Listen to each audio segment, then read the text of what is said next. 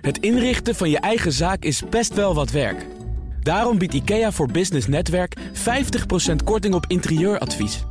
Word gratis lid en laat je werkplek voor je werken. IKEA, een wereld aan ideeën. DNR Werkverkenners wordt mede mogelijk gemaakt door Magnet. Magnet, the evolution of work. Blijf scherp. BNR Nieuwsradio. Werkverkenners. Rens de Jong. Hoe ging het met de arbeidsmarkt in 2022? Daarover gaan we deze uitzending polderen. We kijken terug op dieptepunten, zoals de oorlog in Oekraïne. Die inflatierollercoaster waarin we terecht zijn gekomen de afgelopen maanden... heeft natuurlijk alles te maken met die oorlog. En we zaten dit jaar ook nog in de nasleep van de coronasteun. En daarbij kwamen de ZZP'ers er behoorlijk bekaaid vanaf. We gaan eigenlijk de mensen laten betalen die het minst hebben. Die vragen we de hoogste eisen. Dus de smalste schouders dragen de zwaarste lasten. En natuurlijk staan we ook stil bij de hoogtepunten. Al lepelt niet iedereen die zomaar even op. Weet je wat nou gek is, Rens? Ik ben een ontzettend positief ingesteld persoon. Mhm. Toen ik de vraag kreeg, wat, wat is nou het hoogtepunt? Toen dacht ik, daar moet ik eigenlijk heel goed over nadenken. De vakbonden zagen hun eigen belang weer groeien. Dat begon min of meer met de acties op Schiphol afgelopen zomer. En eigenlijk sindsdien zien we dat er uh, een grote actiebereid is ontstaan. Veel meer mensen de vakbond ook hebben weten te vinden. Werkverkenners. Aan de hele polder vroeg ik om na te denken over het hoogtepunt of misschien wel een paar hoogtepunten van dit jaar. Allereerst de werknemers. Ik ben Zakaria Boevangasja, vicevoorzitter van de FNV. Ja, als we terugkijken op 2022, ik geloof dat jullie ook wat uh, cijfers en feiten op een rijtje hebben gezet over het afgelopen jaar. Vertel. Uh, zeker. Um, zo aan het eind van het jaar maken wij de balans op als het gaat over de CAO-resultaten die we hebben geboekt. Nou, het is je niet ontgaan dat het uh, natuurlijk een uh, enerverend jaar is. Uh, met een almaar stijgende inflatie en daarmee een almaar stijgende koopkrachtdaling. Um, als we kijken naar wat wij aan al die CAO-tafels hebben gerealiseerd, waarbij we ongeveer tegen de 300 CAO's hebben afgesloten, is er een, een gemiddelde loonstijging gerealiseerd van net meer dan 4 procent afgezet ten opzichte van de inflatie van vorig jaar is dat koopkrachtverbetering. We zullen het bijna vergeten, maar toen was de inflatie 3,3 procent. Maar um, de huidige inflatie van uh, bijna 14 of 16 procent zorgt ervoor dat ondanks een historisch hoge loonontwikkelingen van boven de 4 procent, dat de volledige wordt opgegeten. En de mensen aan het eind van het jaar toch te maken hebben met een forse koopkrachtdaling. Mm. Uh, we maken wel veel meer afspraken op het gebied van uh, vaste banen. Is ook wel te verklaren met die krappe arbeidsmarkt. Dus je ziet dat werkgevers ook eerder geneigd zijn om uh, mensen een duurzaam dienstverband aan te bieden. En je ziet dat daar toch wel in al die cao's die we hebben afgesloten 40% meer afspraken zijn gemaakt voor zekerheid, meer vaste banen. en ook de kwaliteit van arbeid. En dat gaat dan over um, werktijden, uh, zeggenschap, het recht om thuis te werken. We zien ook wel dat uh, gemiddeld 40% van die CEO's er meer afspraken zijn gemaakt op het gebied van kwaliteit van werk. Ja. Uh, dus het zijn positieve ontwikkelingen, maar zoals ik zei, ten opzichte van met name de inflatie en je kijkt naar de loonontwikkeling, blijft dat fors achter. en als we kijken naar de laatste maand van dit jaar, zien we wel dat het gemiddelde al boven de 6% zit. Dus die stijgende lijn zet zich wel voort. Wat was voor jou het hoogtepunt van 2022? Even in, in algemene zin is voor mij het hoogtepunt dat de vakbond echt uh, uh, nog meer op de kaart staat. Er is veel actie gevoerd. Uh, eigenlijk een soort natuurlijke aftrap in de zomer met de acties op Schiphol. Mm. Iedereen kan dat zich nog herinneren. We zijn afgelopen jaar verjongd. Hè. Dat is ook wel belangrijk voor de vakbond om te verjongen. dus heel veel nieuwe jonge leden die de vakbond hebben weten te vinden. Nou, en, en die, die twee elementen, hè, de toename van actiebereidheid, al is de aanleiding nooit fijn. Maar voor ons wel een hoogtepunt dat we zien dat uh, ja, werknemers uh, strijdbaarder zijn, uh, op durven te komen voor een eerlijke loonsverhoging en meer vaste banen. Dat vooral ook steeds meer jongeren ons weten te vinden. Ja. Nou, voor mij in, in, in, in algemene zin eh, is dat eh, het hoogtepunt van eh, 2022 voor de FNV. Ja, is dat inderdaad eh, goed nieuws te noemen? Want eh, het, misschien lijkt het dan wel zo van... Hey, mensen willen actie voeren. Je zou het ook kunnen framen als... Ja, mensen staat het nu echt het water na aan de lippen. Dus ze moeten wel iets gaan doen. Ja, en tegelijkertijd is het inderdaad daarmee ook eh, het dieptepunt. Ja. Hè, Want, want de aanleiding is natuurlijk niet eh, dat eh, mensen eh, massaal zo tevreden zijn en blij zijn met eh, hoe eh, de lonen zich ontwikkelen en eh, wat er gebeurt op die arbeidsmarkt. Eh, dus vandaar dat ik ook zei, Rens, dat eigenlijk de aanleiding eh, geen hoogtepunt is. Namelijk grote zorgen, koopkrachtdaling, eh, die krappe arbeidsmarkt ook zorgt voor torenhoge werkdruk. En tegelijkertijd zie je dus dat daardoor ook wel de relevantie van de vakbond eh, weer groter wordt. En mensen weer gaan beseffen dat het o zo belangrijk is om, om je te organiseren, om op te komen samen met je collega's. En dat gebeurt in het afgelopen jaar niet alleen op de traditionele plekken, hè, de spoorwegen en de metaal. Maar je ziet het echt ook op plekken waar eigenlijk van oudsher nooit eh, actie werd gevoerd. En, en men ja, of tevreden was of het allemaal wel prima vonden. Nou, kijk naar de bijenkorf, om maar een voorbeeld te noemen. Ja. En ook de afgelopen periode zijn daar acties. Nou, dat is nooit gebeurd sinds eh, de jaren 70, is mij verteld. Hè, dus daarmee is dat voor ons in die zin een hoogtepunt. Want de vakbond staat daarmee op de kaart. En het besef van het belang voor de vakbond is alleen maar aan het groeien. Wij groeien ook eh, weer voor het eerst in tijden eh, in de laatste drie maanden van het jaar. Zie je nou dat het verhardt, zeg maar, de relatie tussen de werkgevers en de werknemers? Enerzijds wel, anderzijds niet. Om maar even bij het laatste te beginnen. Je ziet ook wel heel veel werkgevers eh, die begaan zijn met hun medewerkers. Die ook eh, zich ontzettend zorgen maken. Die te maken krijgen ook met, met loonbeslagen hè, op de lonen van hun medewerkers. Die ze dan moeten gaan uitvoeren. Dus je ziet dat, dat de werkgever ook echt dus dat eh, na aan het hart ligt. En ze daar wat mee willen doen. Maar tegelijkertijd, en dat is dan tegelijkertijd weer eh ene, anderzijds eh, die verharding. Ja, dat, dat het of niet ver genoeg gaat, eh, of het allemaal pleistertjes zijn die worden geplakt. en mensen daarmee ook de, de waardering missen. Hè, de waardering voor het werk wat ze doen. En het feit dat hun lonen erop achteruit gaan. En dat daar een, redelijke compensatie voor moet gaan komen. Dus echt structurele, goede loonsverhogingen. Ja, en die bereidheid is er op te veel plaatsen niet. En dat leidt inderdaad tot verharding. Wat wij dan als vakbond merken aan de CAO-tafel. En ook voor de ZZP'ers was er een hoogtepunt in 2022. Al is het lichtelijk verpakt als een dieptepunt. Ik ben Roos Wouters. Ik ben de directeur van de Werkvereniging. Dat is een modern belangenplatform. Eigenlijk voor modern werkenden. En wie zijn dat? Nou, dat zijn alle mensen die niet 40 jaar in dienst willen bij dezelfde werkgever of kunnen. Dus eigenlijk iedereen. Precies. Ehm, laten we beginnen met het hoogtepunt. Wat was het hoogtepunt voor 2022? Ik las iets in een, in een artikel waarin ze zeiden: we gaan de NOW-regeling verruimen Mhm. en eh, we schaffen de TOZO af. En toen dacht ik: wacht even, maar dit is niet meer haast en spoedwerk. Dit is echt ernstig. Nou breekt mijn klomp. Mhm. En alle reacties die ik kreeg waren zo juridisch. Was helemaal niet dat ik zei: oké, wat is er met die commissie Borstlap? Jullie maakten je zorgen over de kwetsbaren. En nu, eh, hij zei: ja, als er, als er een crisis op ons afkomt, dan zijn dit de mensen waar we ons echt eh, heftig zorgen over moeten maken. En wat doet de regering? Nou, ik was lang blij dat ze iets deden. Mhm. Die gaan de mensen met de meeste zekerheden zorgen dat die al die zekerheden behouden. En zelfs niet aan hun opgebouwde zekerheden hoeven komen. Klinkt nog niet echt als een hoogtepunt dit. Nee, komt Oké. komt. Ondertussen maak je het gemakkelijker voor werkgevers om hun werknemers volledig uit te betalen. En laat je de rest op een houtje bijten of eh, helemaal niet. Mhm. En toen dacht ik, weet je wat? Ik ga kijken of er mensen net zo boos zijn als ik. Ik begin een crowdfunding campagne om een rechtszaak tegen de staat te gaan voeren. En we hadden dus binnen twee weken in de kerstvakantietijd, dus precies dit vorig jaar, zijn we die eh, campagne begonnen. En hebben we gewoon meer dan het streven bedrag opgehaald met zo ongelooflijk veel positieve reacties. Dat mensen zeiden, ik had het gevoel dat ik stikte, dat niemand me hoorde. Dat deze onrechtvaardigheid gewoon, ja, als je in het nieuws hoort, dan zeg je, zeggen ze, ja, we doen alles voor werknemers en ondernemers en alles komt goed. Ja.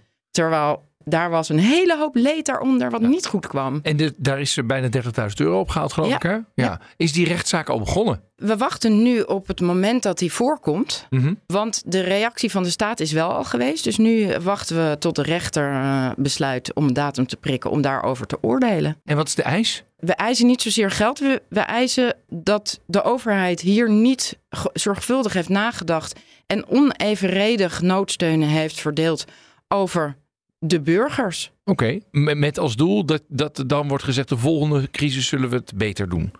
Eh, ja, nou ja, weet je, het doel is dat ze twee keer nadenken voordat ze nog zo ongelooflijk slordig besluiten dat ze een hele groep mensen. Kijk, 60% van onze beroepsbevolking heeft op dit moment een vast contract. Die waren gebaat bij de NOW.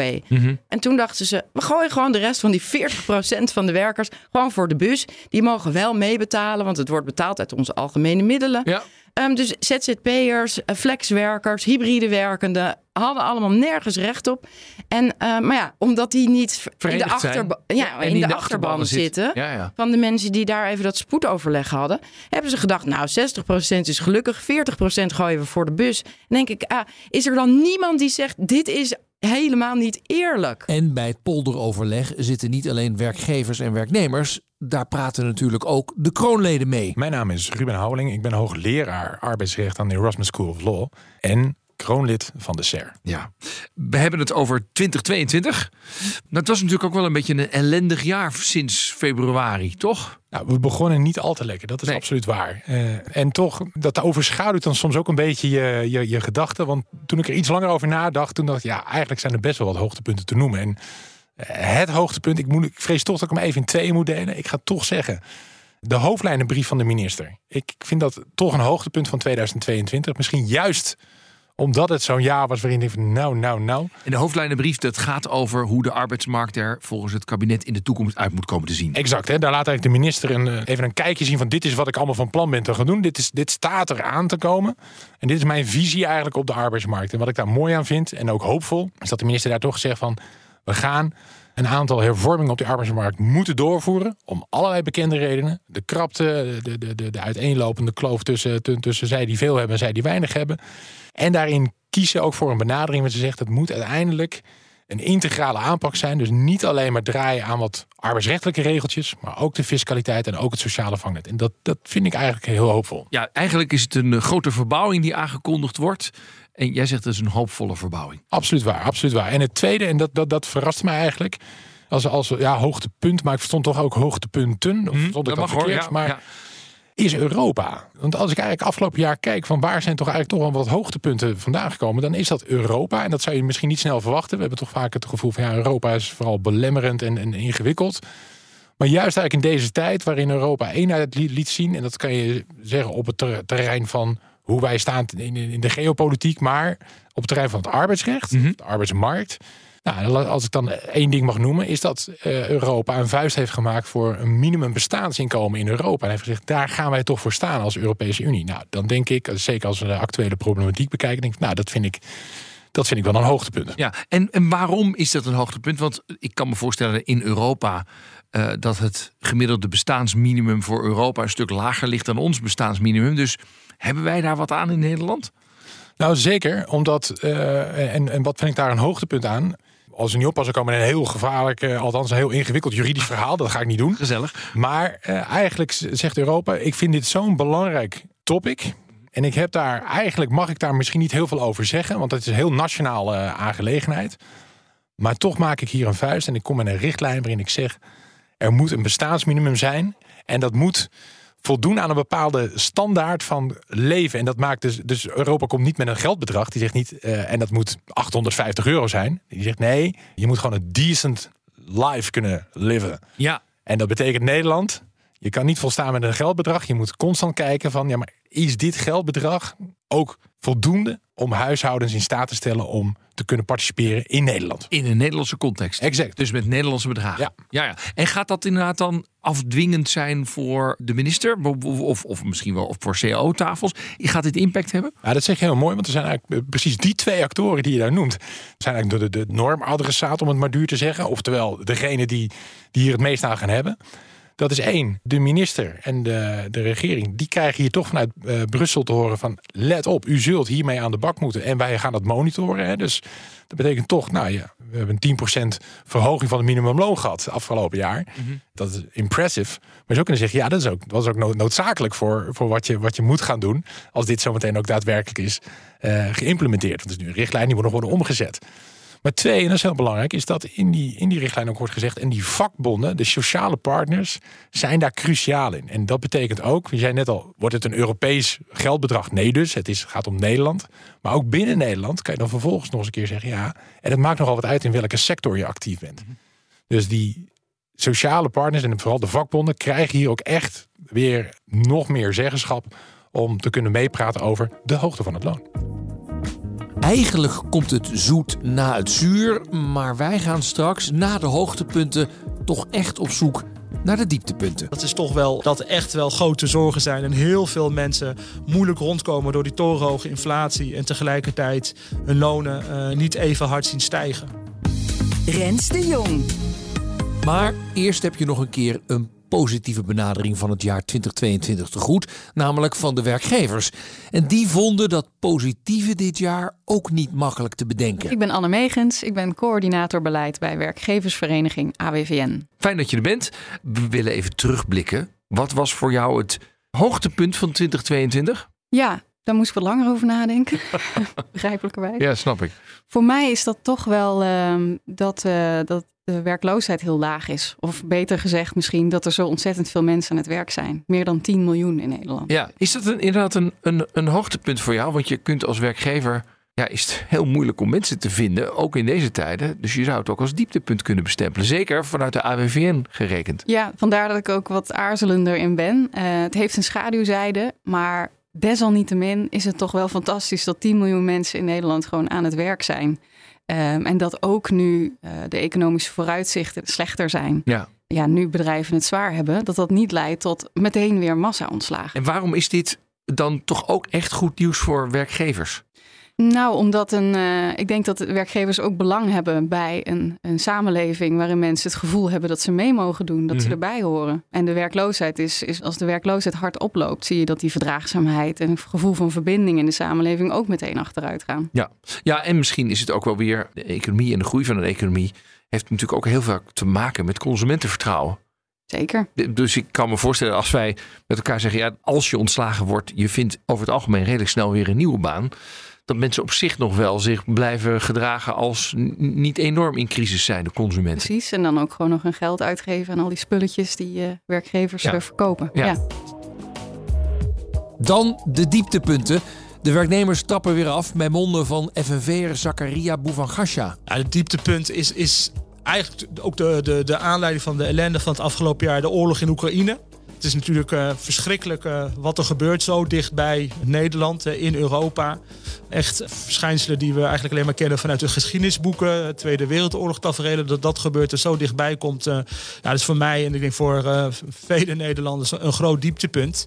Ja, en de gevolgen daarvan, en dat is voor mij als vakbondsman tegelijkertijd ook een groot dieptepunt. dat, dat, komt natuurlijk niet in, in de buurt van de ellende in Oekraïne. Maar dat het grote consequenties heeft voor de inkomens en de koopkracht van mensen. Er zijn al te veel mensen in Nederland, te veel, want we zijn een welvarend land, die al moeilijk rondkwamen voor de oorlog in Oekraïne. Door de hoge energieprijzen nu nog harder worden getroffen. En je ziet dat ja, de rijen bij de voedselbanken toe zijn genomen, uh, loonbeslagen aan het toenemen zijn, uh, steeds meer ja, kinderen zonder ontbijtnotenbenen naar school moeten gaan. Ja, en dat anno 2022, waarbij de aanleiding natuurlijk in en in triest is. Maar voor mij ook als, als vakbondsman ja, doet het echt pijn aan het hart dat we toch nog niet uh, het voor elkaar kunnen krijgen. Dat iedereen een leefbaar inkomen heeft. Dat iedereen, ondanks de stijgende energieprijzen, waar we natuurlijk als land niks aan kunnen doen, maar dat wel gewoon sociaal en fatsoenlijk opvangen met elkaar, daar nog steeds niet toe in staat zijn. En dat is voor mij uh, zeg maar echt de inkomenscrisis waar heel veel gezinnen mee te maken hebben. Dat is voor mij het dieptepunt van 2022. Voor de werkgevers geldt hetzelfde dieptepunt, blijkt uit de woorden van Anne Megens van werkgeversvereniging AWVN. Weinig verrassend, denk ik, maar oorlog in Europa. Ja. Ja, het is, het is nu alweer bijna gewoon. Maar ik weet nog wel dat ik voor het eerst uh, dat hoorde in februari. Oorlog, zo dicht bij huis. Ja. Ja, en dat heeft natuurlijk daarna ook uh, heel grote impact gehad. Ook op het terrein waar, waar wij het over hebben, op de arbeidsmarkt. Want dat is inderdaad uh, het interessante. Is dat ook wat jou betreft werkgeverstechnisch het dieptepunt van, uh, van 2022? Ja, want het was nogal een schok dat we eigenlijk de weg naar boven weer hadden gevonden. Vrij snel na de coronacrisis. Optimisme was uh, behoorlijk stevig. Ja. En opeens die oorlog, nou ja, opeens. In elk geval voor heel veel mensen was het toch uh, een donderslag bij helder hemel. En het heeft enorme impact gehad. Kun je daar inderdaad iets meer over zeggen vanuit het werkgeversperspectief? Van waar raakt dat allemaal? Nou, heel direct dat voor bedrijven die veel gas, uh, energie verbruiken überhaupt, uh, dat die natuurlijk uh, nou ja, dat merken in, de, in hun prijzen, in hun rekeningen die ze krijgen. In de industrie bijvoorbeeld is het aan de hand, maar ook bij kleine winkels, detailhandel. De bakker, bakkers, hè? ja, Ja. tuurlijk. Dus groot en klein bedrijf merkt dat. Dat is direct, maar ook indirect. Hè. De, de bedrijven die deze hoge stookkosten hebben, verwerken dat in hun prijzen. eh, waardoor andere grondstoffen, materialen duurder worden. Dus aan die kant, aan het ondernemerschapsdeel van het bedrijf.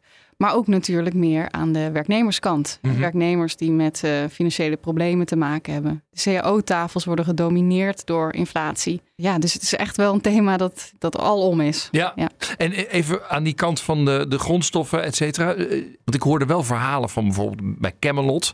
Echt zo'n chemisch complex hè, daar in, in Limburg. Ja, daar ligt heel veel gewoon stil. Omdat het, ja, we, we kunnen het niet betalen. Hoor je dat soort verhalen ook meer of niet?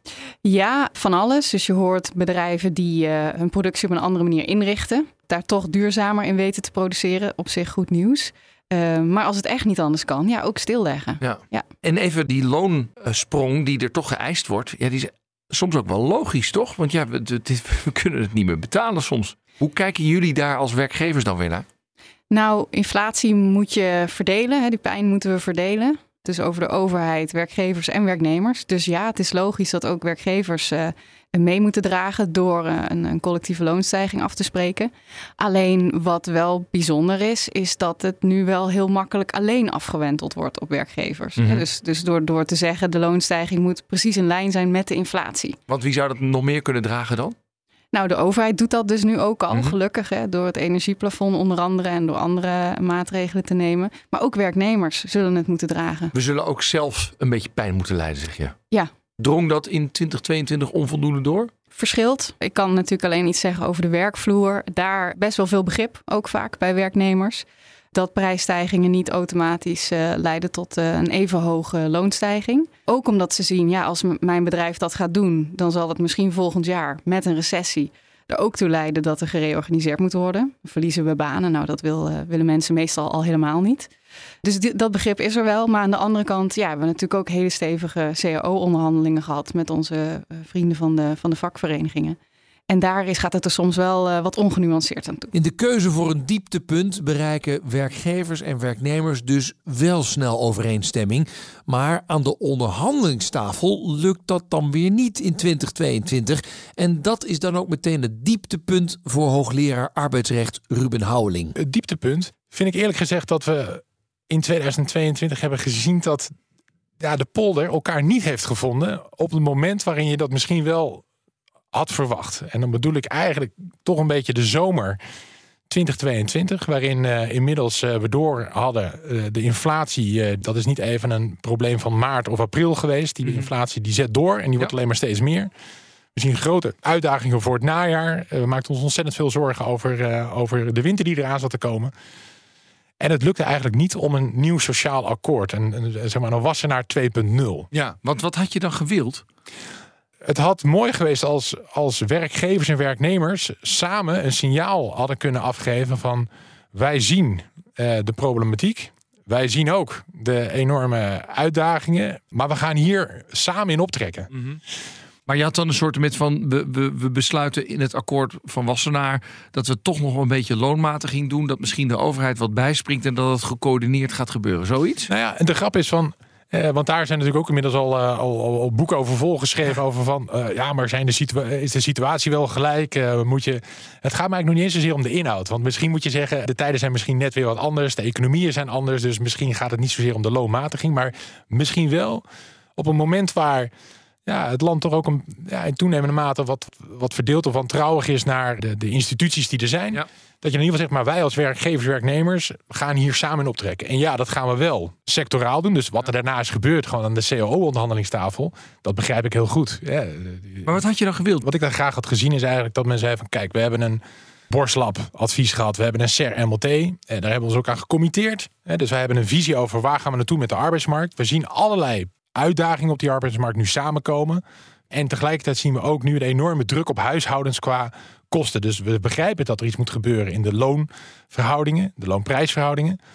Maar we willen daar eigenlijk met elkaar of dit momentum gebruiken om ook toe te werken naar die stip die we hebben neergezet in SER, MLT en Borslab.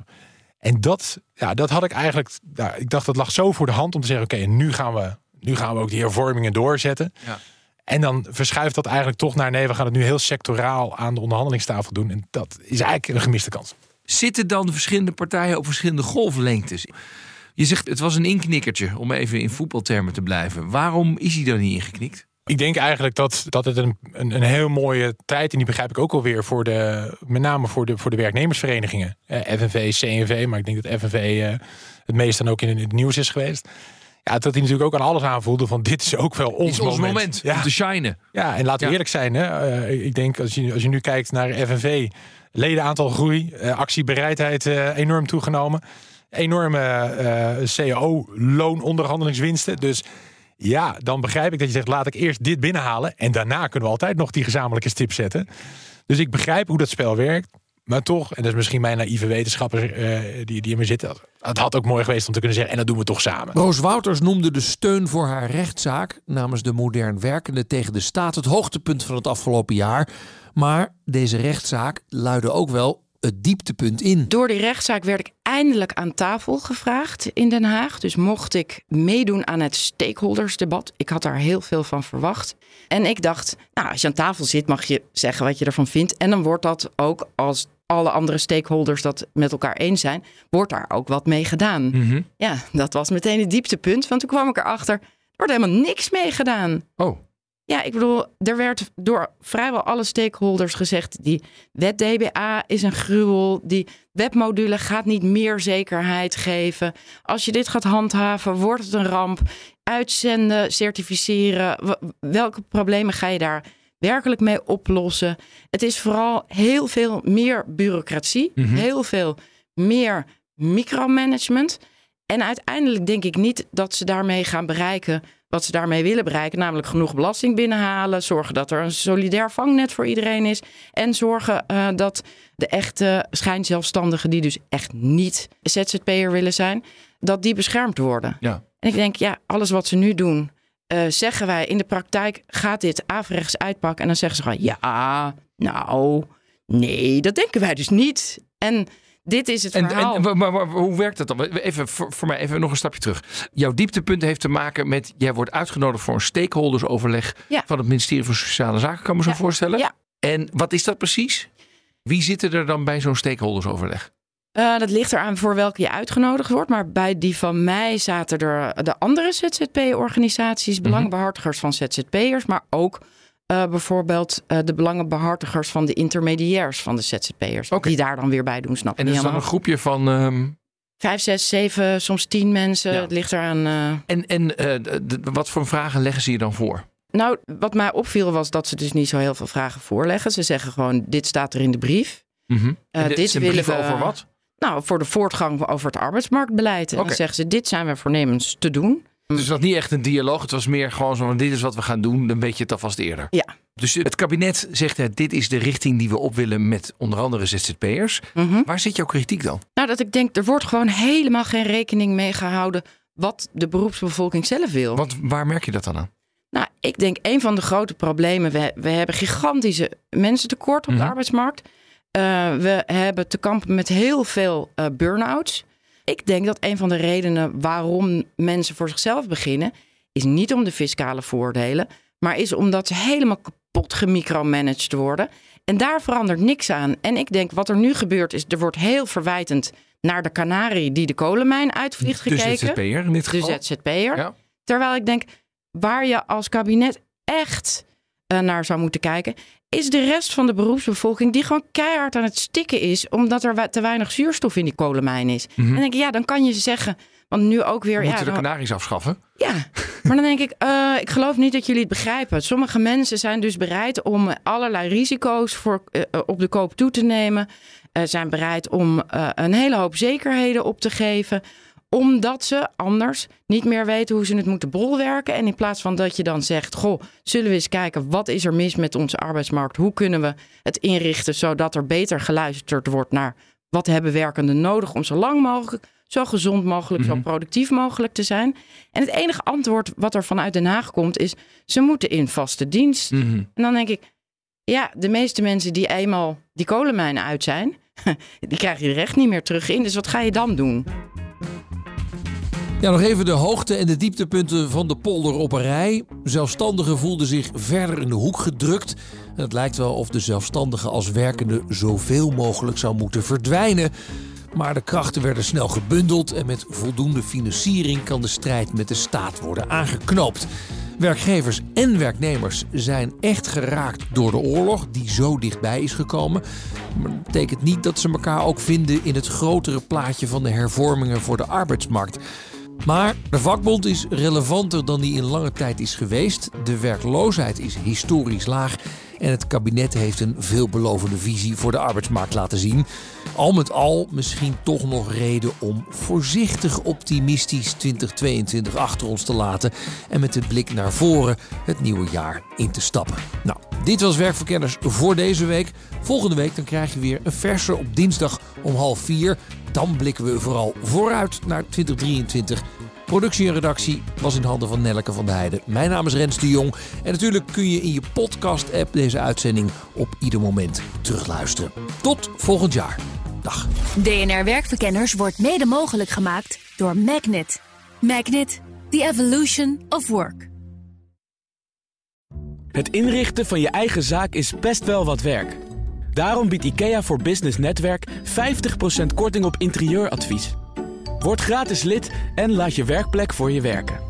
IKEA, een wereld aan ideeën.